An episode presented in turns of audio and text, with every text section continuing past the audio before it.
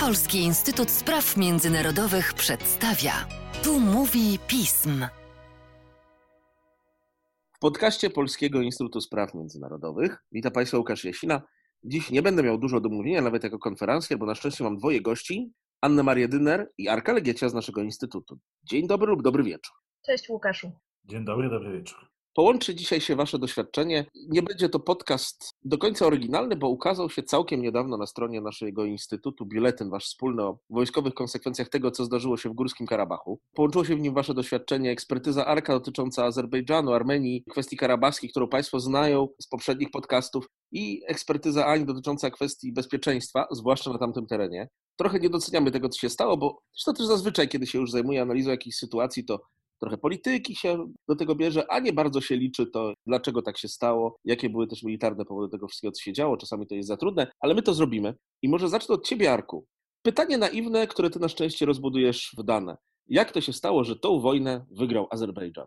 Powiem metaforycznie, bo ostatnio spotkałem się z bardzo fajnym porównaniem, którego nie zawaham się tutaj przytoczyć. To porównanie mówi o tym, że Armenia była podczas tej eskalacji w Górskim Karabachu która trwała 44 dni i zakończyła się 9 listopada, Armenia była przygotowana na konflikt XX wieku. Azerbejdżan prowadził z kolei ofensywę na miarę wieku XXI.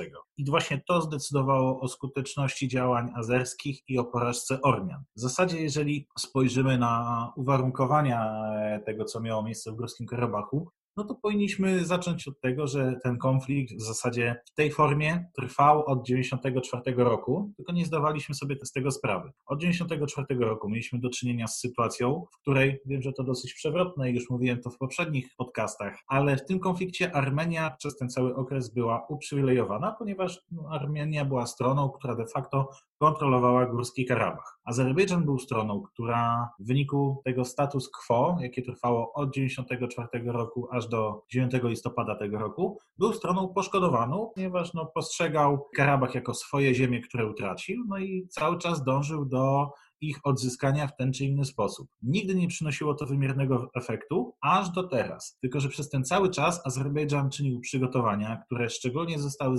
zintensyfikowane po roku 2015, które doprowadziły go właśnie do tego sukcesu. To wszystko było możliwe dzięki stworzeniu korzystnych uwarunkowań wewnątrz państwa, a przede wszystkim dzięki reformom służb specjalnych i wojska w Azerbejdżanie, w wyniku których ograniczono wpływy Rosji i, i, powiązanych z nią oficerów wojskowych, którzy jeszcze w czasach Związku Radzieckiego byli wyszkoleni na przykład na rosyjskich akademiach, którzy zostali zastąpieni przez nowe pokolenie funkcjonariuszy, nowe pokolenie wojskowych, kształcone już w większym stopniu na innych kierunkach geograficznych, przede wszystkim w Turcji i Pakistanie. To ci ludzie stali za nowym planowaniem taktycznym, za nową strategią działań, która została odzwierciedlona właśnie właśnie podczas obecnej eskalacji w Górskim Karabachu. To wszystko byłoby jednak niemożliwe, gdyby Azerbejdżan nie dysponował zasobami, które pozwoliłyby pewne cele realizować, a przede wszystkim pozwoliłyby modernizować armię i pozwoliłyby dywersyfikować pochodzenie dostaw uzbrojenia, jakimi Azerbejdżan zasilał swoje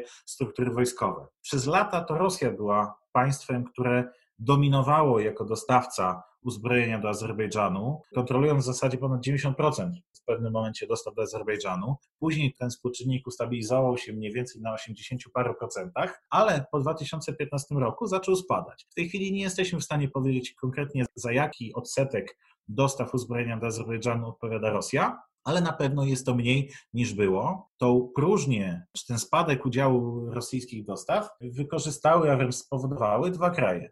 Izrael, ale przede wszystkim Turcja, które z jednej strony ilościowo w dalszym ciągu dostarczają do Azerbejdżanu mniej uzbrojenia niż Rosja, ale uzbrojenie, jakiego dostarczają, to jest właśnie to uzbrojenie na miarę XXI wieku, które pozwoliło przeformatować taktykę działań Azerbejdżanu. Są to przede wszystkim drony bezzałogowe oraz systemy dowodzenia, w dużej części zautomatyzowane, które no, pozwoliły siłom azerskim wejść na wyższy poziom działań i zaskoczyć Ormian. My przez lata zdawaliśmy sobie sprawę, sami Ormianie zdawali sobie sprawę z tego, że pomiędzy jednym a drugim państwem jest dysproporcja, której nie da się nie zauważyć. No bo jeżeli porównamy budżety militarne, wojskowe jednego i drugiego państwa tylko i wyłącznie za rok ubiegły, no to widzimy, że Azerbejdżan wydaje niemal trzykrotnie więcej na zbrojenia niż Armenia. W 2019 roku to było około 1,8 miliarda dolarów. Co ciekawe, gdyby jedno i drugie państwo były członkami NATO, no to, no to byłyby wręcz członkami przykładnymi, no bo w przypadku Azerbejdżanu przeznacza on około 3,8% swojego PKB na wydatki obronne, Armenia procentowo wydaje jeszcze więcej, bo to jest około 4,2% PKB wydawanych na wydatki zbrojeniowe. No ale jednak możliwości Azerbejdżanu były w tej kwestii o, o, wiele większe i to przełożyło się na lepsze uzbrojenie, na lepsze przygotowanie do prowadzonych działań i przeprowadzenie skutecznej ofensywy. Ale to również nie byłoby możliwe bez odpowiedniego zaplecza wywiadowczego, które poprzedziło przeprowadzenie ofensywy i które cały czas towarzyszyło działaniom na froncie prowadzonym przez, przez siły azerskie. Dzięki temu rozpoznaniu wywiadowczemu Azerowie z jednej strony byli w stanie bardzo efektywnie wytypować cele swojej ofensywy, bardzo trafnie wytypować przebieg linii frontu, na którym zdecydowali się rzucić największe siły, ale także w inteligentny i bardzo wyrachowany sposób prowadzić działania informacyjne, działania dywersyjne, które były nieodłączną częścią tej ofensywy. Do tych wszystkich działań wykorzystano drony, ale wykorzystano na skalę, jakiej w zasadzie w tej części świata nie widzieliśmy nigdy. Tutaj zaznaczmy, że były to drony produkcji tureckiej, tak zwane drony Bayraktar TB2, które zresztą zyskały niekwestionowaną sławę po tej ofensywie. Już niektóre państwa ustawiają się do Turcji w kolejce po zakup tych dronów. Te drony były wykorzystywane zarówno do rozpoznania, zarówno do akcji dywersyjnych, jak i tak zwanych targeted killings. Między innymi minister obrony Górskiego Karabachu został w ten sposób uśmiercony, ale te drony również niszczyły na przykład pojazdy przeciwpancerne sił ormiańskich, czy umocnienia pozycji na konkretnych odcinkach frontu, co pokazywało, że te drony zostały w zasadzie wykorzystane do każdego przejawu działalności na froncie przez siły azerskie. Drony były nieodłącznym towarzyszem i wsparciem dla, dla sił lądowych, bez których przeprowadzenie tej ofensywy nie byłoby możliwe. Tylko, że te siły lądowe, żołnierze w klasycznym tego słowa znaczeniu, również działali w nieco inny sposób. Działali, byli lepiej przystosowani do działań w warunkach górskich, w terenie zalesionym, z jakim spotkali się w Górskim Karabachu. A więc przede wszystkim to byli żołnierze jednostek specjalnych, sił specjalnych, wojsk specjalnych, którzy działali w małych zgrupowaniach, bardziej mobilnych, mniej podatnych na wykrycie przez wroga i mogących szybciej zmieniać kierunki swoich działań. To powodowało, że Ormianie z jednej strony nieprzygotowani na przeciwdziałanie dronom, z drugiej strony nieprzygotowani na przeciwdziałanie tak szybkim i mobilnym siłom specjalnym, no nie byli w stanie efektywnie odeprzeć ofensywy azerskiej. Duży wkład w dostosowanie w ten sposób swojej taktyki ofensywnej Azerbejdżan zawdzięcza konsultacjom z Turcją. Z Turcją, która udzieliła im Azerbejdżanowi bezprecedensowo silnego wsparcia, o czym też już mówiliśmy w poprzednich podcastach. Kluczowe tutaj było również no, konsultowanie na poziomie dowódców, konsultantów wojskowych, jakich Turcja wysłała do Azerbejdżanu, którzy przez lata dzielili się z Azerami z jednej strony doświadczeniami z działań prowadzonych przez Turcję, na przykład w Syrii czy w Libii, gdzie w dużym zakresie Turcy prowadzili działania przeciwko jednostkom dysponującym uzbrojeniem rosyjskim, a przypomnijmy, że uzbrojenie rosyjskie no, było również powszechnie wykorzystywane przez Armenię i to były doświadczenia cenne, ale również Turcy dzielili się na przykład doświadczeniami z operacji prowadzonych przez swoje siły specjalne w latach 2000 w Afganistanie, z taktyk przeciwpartyzanckich, jakie tam Turcy prowadzili w ramach operacji natowskiej. To wszystko pozwoliło Azerom efektywnie przełamać ormiańskie umocnienia, które przez lata były podstawą taktyki obronnej w Górskim Karabachu, przełamać te umocnienia, wejść na terytorium Górskiego Karabachu i zająć strategicznie położone miasto Szusza. Po zajęciu tego miasta doszło do zawarcia rozejmu pod auspicjami Rosji, który oczywiście ma określone konsekwencje polityczne dla podziału ziem w Górskim Karabachu, ale możemy śmiało zakładać, że gdyby nie ten rozejm, to Azerbejdżan byłby prawdopodobnie w stanie zająć całość terytorium Górskiego Karabachu, co tylko nam pokazuje, jak skutecznie były to przeprowadzone działania samo porozumienie, jakie zostało zawarte, podkreśla również rolę siły, jaką Azerbejdżan wykorzystał w tej ofensywie, no bo to porozumienie jest tylko z nazwy porozumieniem pokojowym czy rozejmem. Ono de facto sankcjonuje to, co Azerbejdżan uzyskał siłą. To porozumienie sankcjonuje sukces, jaki Azerbejdżan odniósł na polu walki, który byłby niemożliwy bez tych wszystkich czynników, jakie tutaj po skrócie zarysowałem. Przejdźmy teraz do Ani. Armenia przegrała, ale powiedzieć, że przegrała tylko dlatego, że z jakichś powodów Azerbejdżan wygrał, to myślę duże uproszczenie. Jednak powody przegranych są zazwyczaj również po stronie przegrywającej, nie tylko dlatego, że ten drugi był silniejszy. To jest e, kwestia złożona, gdzie splatają się czynniki polityczne, wojskowe i społeczne, tak można byłoby to w dużym skrócie powiedzieć. I tak na dobrą sprawę jest kilka warstw, dlaczego Ormianie byli skazani na porażkę w trakcie tej operacji. Pierwsza to jest sytuacja wewnętrzna w Armenii i w Górskim Karabachu, a tak na dobrą sprawę sytuacja związana ze zmianami w siłach zbrojnych tego państwa. Z tym, że Nikola Paszynian od momentu, kiedy został premierem, może nie tyle wypowiedział wojnę e, starszym rangą oficerom, ale zapowiedział czystkę w armii, zapowiedział bardzo silną reformę sił zbrojnych. To między innymi było związane z tym, że Paszynian bardzo chciał oczyścić też siły zbrojne z tak zwanego klanu karabachskiego, który wcześniej był bardzo silnie obecny w ormiańskiej polityce, w tym również w armii. No i to spowodowało, że ci, którzy mieli najwięcej doświadczenia, choćby z poprzednich wojen z Azerbejdżanem o Górski Karabach, czy z potyczek przygranicznych, czy z myślenia obronnego, te osoby w większości z armii odeszły. Każda tego rodzaju czystka zazwyczaj kończy się źle, jeżeli dochodzi dość szybko do wojny. Mamy tego bardzo wiele przykładów w historii. To jest pierwsza kwestia. Druga kwestia, to o czym Arek już częściowo wspominał, jest to dysproporcja wydatków i środków, na jakie oba państwa mogły sobie pozwolić. Armenia i tak wydawała dużo. W przeliczeniu na jednego mieszkańca wydawało dużo więcej niż Azerbejdżan. Niemniej nie były to wystarczające środki obrony i tak jak Arek wspomniał, Ormianie skoncentrowali się na tym, co dało im przewagę jeszcze w latach 90., kiedy Górski Karabach zawojowali, czyli klasycznych systemach uzbrojenia. Natomiast już zaniedbano system obrony Górskiego Karabachu. Liczono na to, że rzeźba terenu, czyli teren górzysty, pomoże broniącym się w sytuacji ofensywy ze strony Azerbejdżanu. I tak się nie stało. Tak się nie stało z dwóch powodów. Po pierwsze, Azerbejdżan zdecydował się na poprowadzenie jednocześnie z dwóch stron ataku, i z południa, i z północy. A na południu się okazało, że rzeźba terenu jest dużo łatwiejsza do sforsowania przez nawet jednostki z ciężkim sprzętem, jednostki pancerne. A po drugie, południe było dużo słabiej bronione w stosunku do fortyfikacji, które były na północy.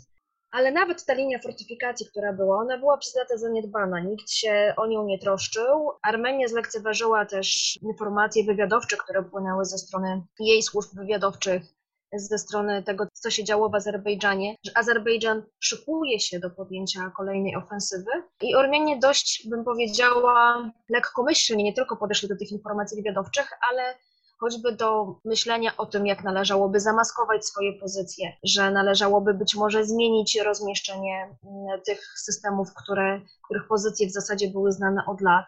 Tego nie zrobiono i to się bardzo szybko zemściło na Ormianach. Zemściło się w ten sposób, że Azerbejdżan miał bardzo dobrze rozpoznane punkty oporu.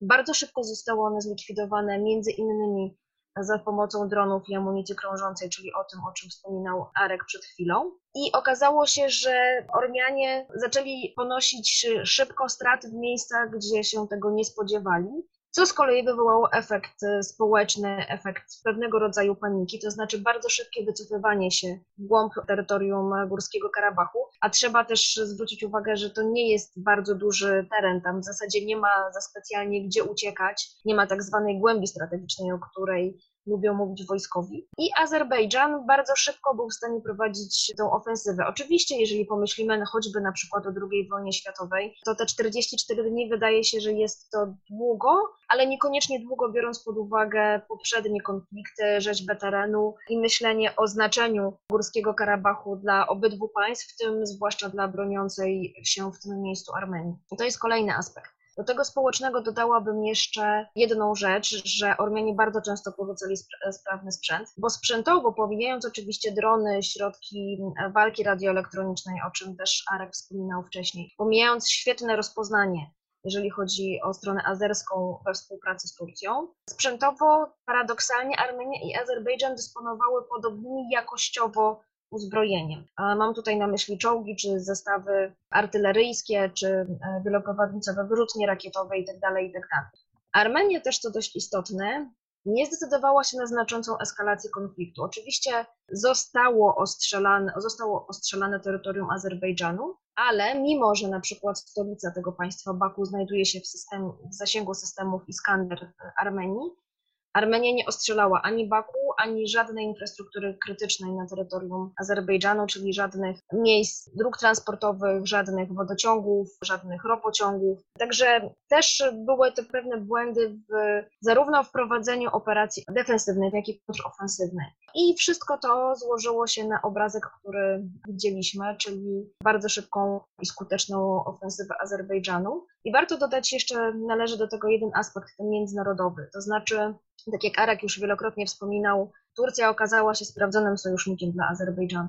Wsparła go zarówno politycznie, jak i wojskowo, jak i finansowo. Natomiast jeżeli chodzi o Rosję, tak się nie stało. Oczywiście politycznie Rosja trochę Armenię wspierała, ale nie za mocno. Jeżeli chodzi o kwestie wojskowe, tutaj tego wsparcia w zasadzie nie było żadnego, to znaczy Rosja handlowała od lat zarówno z Armenią, jak i z Azerbejdżanem. Co więcej, Rosjanie nie dostarczali na przykład informacji wywiadowczych czy informacji satelitarnych o położeniu mm, sił azerskich. I to też y, można uznać za duży zgrzyt w stosunkach ormiańsko-rosyjskich. Rosjanie oczywiście, można powiedzieć, że troszkę, to jest może złe słowo, wygrali na tym o tyle, że byli w stanie w momencie, kiedy, tak jak Arek wspomniał, kiedy siły azerskie były już na tyle posunięte w swojej ofensywie, że w zasadzie w dniach liczono możliwości, kiedy zdobędą całe terytorium Górskiego Karabachu. Rosjanie byli w stanie to zastopować i Rosjanie byli w stanie tak wpłynąć na warunki rozejmu, żeby móc przejąć kontrolę wojskową nad tym regionem, to znaczy tam obecnie skierowane zostały wojska 15 Samodzielnej Brygady Zmechanizowanej Centralnego Okręgu Wojskowego, wojska, które są szkolone do operacji pokojowych, nie tylko w obszarze postsowieckim, ale również. I to mm, te wojska teraz są rozmieszczone w, dwóch, znaczy w kilkunastu miejscach na terytorium Górskiego Karabachu, dwóch strefach odpowiedzialności północ-południe. I tutaj na, na, dobrą sprawę Rosja, rozmieszczając tych tak zwanych swoich mirotworców, też e, jest rękojmią, dlatego że e, siłom ormiańskim nic się nie stanie, czy Ormianom, którzy zostali w tej części e, Górskiego Karabachu, która ciągle do nich należy. Czyli w zasadzie ten niewielki okrawek terytorium z w porównaniu jeszcze do tego, czym Armenia dysponowała latem tego roku. Więc y, jeszcze raz podkreślę, że na przegraną Armenii wpłynęło bardzo wiele czynników, zarówno politycznych, jak i typowo wojskowych, jak i typowo społecznych. No i teraz y, oczywiście pozostanie pytanie, co dalej, jak Armenia się zmierzy z tym kryzysem politycznym, który został wywołany przez wojnę w Karabachu. I trochę mimo wszystko szokiem, którą wstrząsnął Armenią, tak? To znaczy myślę, że mimo wszystko Ormianie się nie spodziewali tak szybko przegranej z Azerbejdżanem w Karabachu. W waszym biuletynie znajdują się bardzo ciekawe wnioski dotyczące tego, czego ta wojna może nas nauczyć. Również Polskę, również NATO, również nas żyjących na flance. Trochę Aniu już o tym powiedziałaś, więc y, bardzo bym Wam wdzięczny. Może zaczniemy teraz od Ciebie, Aniu, mimo tego, że przed chwilą dopiero mówiłaś, na temat tego, no wytłumaczenia nam po prostu, czego się nauczyliśmy albo powinniśmy się nauczyć z tego konfliktu, który przecież wybuchł tak daleko od nas. Jak już Łukaszu wspomniałeś, piszemy z Arkiem o tym, że dla państw flankowych możliwość działania dronów, działania amunicji krążącej i znaczenie systemów walki radioelektronicznej gwałtownie rośnie.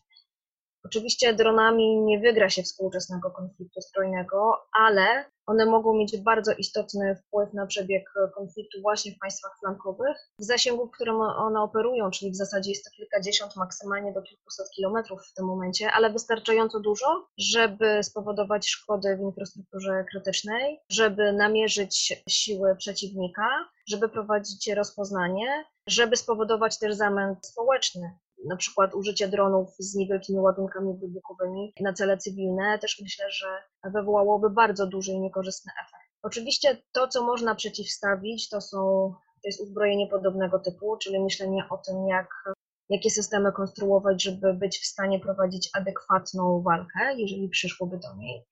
No i druga rzecz to jest oczywiście myślenie o systemach walki radioelektronicznej, czyli systemach, które blokują działania dronów. Oczywiście my już takie systemy mamy, działa to przy każdym jednym większym lotnisku, choćby na Okęciu w Warszawie, bo drony mogłyby bardzo mocno zaszkodzić komunikacji lotniczej. Niemniej jednak nie rozmawiamy o terytorium lotniska, tylko rozmawiamy o terytorium państwa, o kwestii granicy, o potrzebie skanowania przestrzeni powietrznej nad granicą, o potrzebie meldowania o tym, co przelatuje przez tą przestrzeń, czyli bardzo wyrafinowane systemy, które odróżnią drona od ptaka. To się też może wydawać śmieszne, ale, ale już niejednokrotnie w historii, kiedy się mało do wojny nuklearnej nie doszło, dlatego że radary rozpoznały czy stwierdziły duże zagrożenie z powodu przelotów ptaków więc to jest dość istotna kwestia. No i oczywiście myślenie o tym, w jaki sposób e, chronić właśnie choćby poprzez e, systemy walki radioelektronicznej swoją własną infrastrukturę krytyczną, żeby uniemożliwić potencjalnemu przeciwnikowi działania w tym zakresie.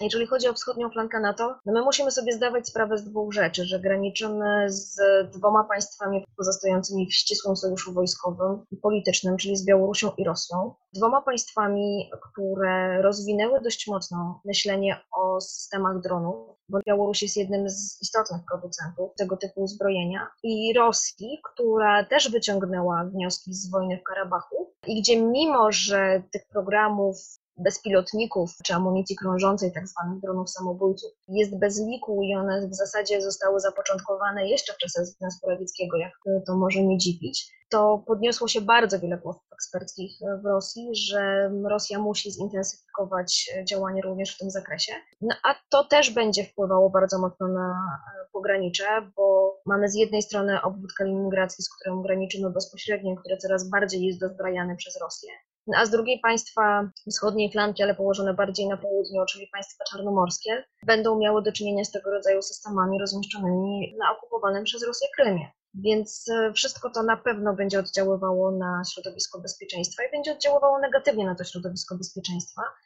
Natomiast e, są to lekcje, które trzeba odrobić, musi odrobić NATO w swoim myśleniu, w planach ewentualnościowych, że tego aspektu wydawałoby się drobnego nie wolno pominieć. Arku, pytanie do Ciebie, ale może rzeczywiście je trochę dowolnie rozszerzyć. Ania to już zaczęła, mówiąc nam o sojuszu Białorusi, Rosji, o tych wszystkich sprawach natowskich bliższych nam, ale pamiętajmy o tym, i zaczęła tutaj Ania mówić o rejonie Morza Czarnego, że w NATO jest także Turcja. Jak kwestie związane z Turcją i jej militarną obecnością tam się zmieniły w naszym myśleniu, albo mogą, powinny się zmienić po tej wojnie? W wyniku tej ofensywy w radykalny sposób zmieniło się status quo w regionie w kontekście politycznym, ale także na poziomie pewnej świadomości i planowania wojskowego. Ormianie zdali sobie sprawę, że w tej chwili bez podjęcia chociażby jakiejś próby modernizacji, unowocześnienia zarówno swoich sił zbrojnych, jak i po prostu planowania obronnego, nie będą w stanie w przyszłości przeciwstawić się ewentualnym eskalacjom inicjowanym ze strony Azerbejdżanu, gdyż ten uzyskał znaczącą przewagę operacyjną nad ich siłami zbrojnymi. To niestety w jeszcze większym stopniu uzależnia Armenię od rosyjskiej gwarancji, bo w tej chwili jedynym czynnikiem, który powstrzymuje, który powstrzymał Azerów od kontynuowania ofensywy i który w tej chwili oddziela Azerbejdżan od Armenii, no i są właśnie żołnierze rosyjscy. Jeżeli tam nie będzie Rosji, Ormianie będą mieli bardzo poważny problem, aby przeciwstawić się jakimkolwiek działaniom wojskowym ze strony Azerbejdżanu. To jest naprawdę znacząca zmiana stanu rzeczy, jaki panował w tej części świata od 1994 roku, ponieważ cały czas tak jak już wspominaliśmy, wydawało się, że Armenia jest mniejsza, biedniejsza, ale przy inteligentnym planowaniu obronnym, przy sprytnym wykorzystaniu ukształtowania terenu, czynników geograficznych tam na miejscu, jest w stanie odpierać ofensywy Azerbejdżanu, jakiekolwiek próby odzyskania terytorium Górskiego Karabachu przez Azerbejdżan. Teraz wiadomo, że nie jest i jedynym czynnikiem, jaki sprawia, że Armianie kontrolują to, co jeszcze kontrolują, no są żołnierze rosyjscy. To, to będzie miało i już ma określone konsekwencje polityczne, w dużej mierze niekorzystne dla Armenii, bo po prostu w jeszcze większym stopniu wpychającą ją w ramiona Rosji, uzależniającą od, od rosyjskiego wsparcia. Ale to, co zrobił Azerbejdżan w trakcie tej ofensywy w Górskim Karabachu, pokazuje również pewne niepokojące aspekty dla na przykład Rosji, bo jest to pierwszy przypadek, kiedy państwo na obszarze postradzieckim przy użyciu niezależnie od Rosji, swoich sił zbrojnych przy użyciu siły jest w stanie zmienić przebieg granic, jest w stanie zmienić status quo polityczny, które wydawało się, że jest pewnym węzłem gordyjskim i jest nie do rozwiązania. Azerbejdżan to zrobił, nie oglądając się na Rosję i oczywiście koniec końców zgodził się na rosyjską propozycję, ale podstawą tej propozycji, jaką Rosja przedstawiła i Azerbejdżanowi, i Armenii, było usankcjonowanie sukcesu Azerbejdżanu, więc oczywiście była to propozycja, która, która zadowalała Azerbejdżan w dużym stopniu i przyznawała na stan z 9 listopada wręcz więcej zysków terytorialnych na rzecz Azerbejdżanu niż na ten moment zajęły azerskie siły zbrojne tam w regionie. Oczywiście pewnie gdyby nie to porozumienie, tak jak już mówiliśmy, Azerowie doszliby do końca i zjęliby wszystko, ale to oczywiście generowałoby określone koszty ludzkie, koszty finansowe, których w ten sposób udało się uniknąć. To może być pewien kazus, który oczywiście będzie bardzo trudno przełożyć na jakieś inne zamrożone czy przyszłe konflikty w tej części świata, no bo, no bo tego typu typu uwarunkowania, jakie, jakie tutaj przedstawialiśmy w konflikcie armeńsko-azerskim, no nie pojawią się w stosunku jeden do jednego w innym regionie, ale na pewno taktyka, jaką zastosował Azerbejdżan, pewne zaskoczenie i pewne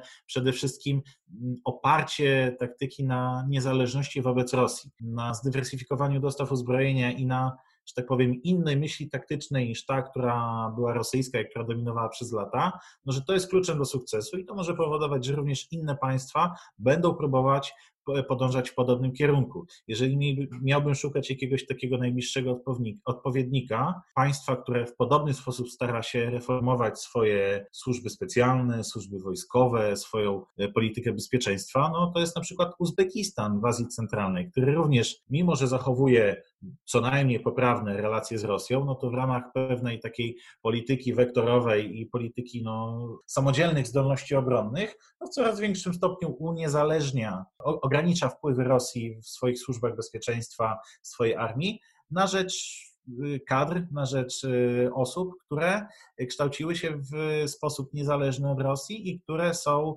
w zdecydowany sposób odcięte od jakichkolwiek wpływów czy nawyków, jakie mogły być wykreowane przez Rosję w latach ubiegłych. No właśnie. Dużo, dużo zmian, których się oczywiście nie spodziewaliśmy. Tak to bywa z przełomowymi wojnami, że się ich zazwyczaj nie przewidzi, poza oczywiście paroma oficerami wywiadu. Proszę Państwa, żeby dokładne dane zobaczyć, w tym naprawdę genialne elementy graficzne tego biuletynu przygotowane przez naszego innego analityka, znanego też Państwu Kubę Pieńkowskiego, zapraszam na stronę pism, a Tobianiu i Tobiarku bardzo dziękuję. Słyszymy się niebawem, znając życie. Dzięki Łukaszu. Dziękujemy.